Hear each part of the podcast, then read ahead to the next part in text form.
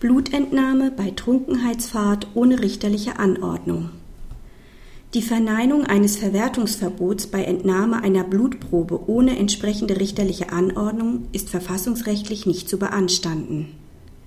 Der Beschwerdeführer war infolge alkoholbedingter Fahruntüchtigkeit von der Fahrbahn abgekommen und mit einem im Gegenverkehr fahrenden Fahrzeug kollidiert. Die zur Unfallstelle herbeigerufene Polizei führte beim Beschwerdeführer zunächst einen Atemalkoholtest durch, der ein Ergebnis von 0,62 Promille aufwies. Auf Anordnung der Polizei wurde dem Beschwerdeführer auf der Polizeiwache von einem Arzt eine Blutprobe entnommen. Die Staatsanwaltschaft oder ein Ermittlungsrichter wurden nicht verständigt. Die Gründe für die Anordnung der Blutentnahme seitens der Polizei wurden nicht dokumentiert. Das Amtsgericht hatte den Beschwerdeführer wegen fahrlässiger Gefährdung des Straßenverkehrs verurteilt. Die dagegen eingelegte Sprungrevision blieb ohne Erfolg. Insbesondere hatte das Oberlandesgericht die Annahme eines Verwertungsverbots bezüglich der Blutprobe verneint. Es berief sich darauf, dass die Ermittlungsmaßnahmen sich unter keinem Gesichtspunkt als objektiv willkürlich oder als Folge einer groben Fehlbeurteilung darstellen würden und damit auch nicht unvertretbar seien. Der Beschwerdeführer legte gegen den Beschluss des Oberlandesgerichts Verfassungsbeschwerde ein. Er berief sich darauf, dass Artikel 19 Absatz 4 Grundgesetz verletzt sei. Das Bundesverfassungsgericht nahm die Beschwerde nicht zur Entscheidung an. Es verwies darauf, dass die Beurteilung, ob ein Verwertungsverbot anzunehmen sei, in erster Linie dem zuständigen Fachgericht obliege. Die Strafgerichte seien davon ausgegangen, dass nicht jeder Verstoß gegen Beweiserhebungsvorschriften ein strafprozessuales Verwertungsverbot nach sich ziehe.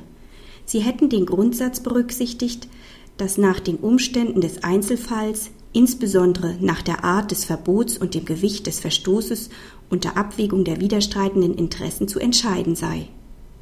Insbesondere die willkürliche Annahme von Gefahr im Verzug oder das Vorliegen eines besonders schwerwiegenden Fehlers könnte danach ein Verwertungsverbot nach sich ziehen.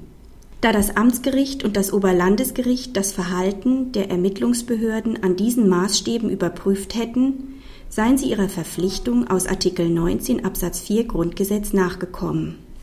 Nach Auffassung des Bundesverfassungsgerichts ist auch verfassungsrechtlich nicht zu beanstanden, wenn die strafgerichtliche Rechtsprechung davon ausgeht, dass die fehlende Dokumentation der Umstände, die die Annahme von Gefahr im Verzug begründet haben, allein nicht zu einem Verwertungsverbot führt. Praxishinweis Die Entscheidung des Bundesverfassungsgerichts gibt keineswegs den Weg dafür frei, dass umstandslos ein Verstoß gegen den Richtervorbehalt sanktionslos bleibt. Es hat lediglich nicht beanstandet, dass das Revisionsgericht im Einzelfall ein Verwertungsverbot verneint. Aus der Entscheidung ergibt sich leider nicht, welchen Sachverhalt das Oberlandesgericht im Einzelnen zu beurteilen hatte.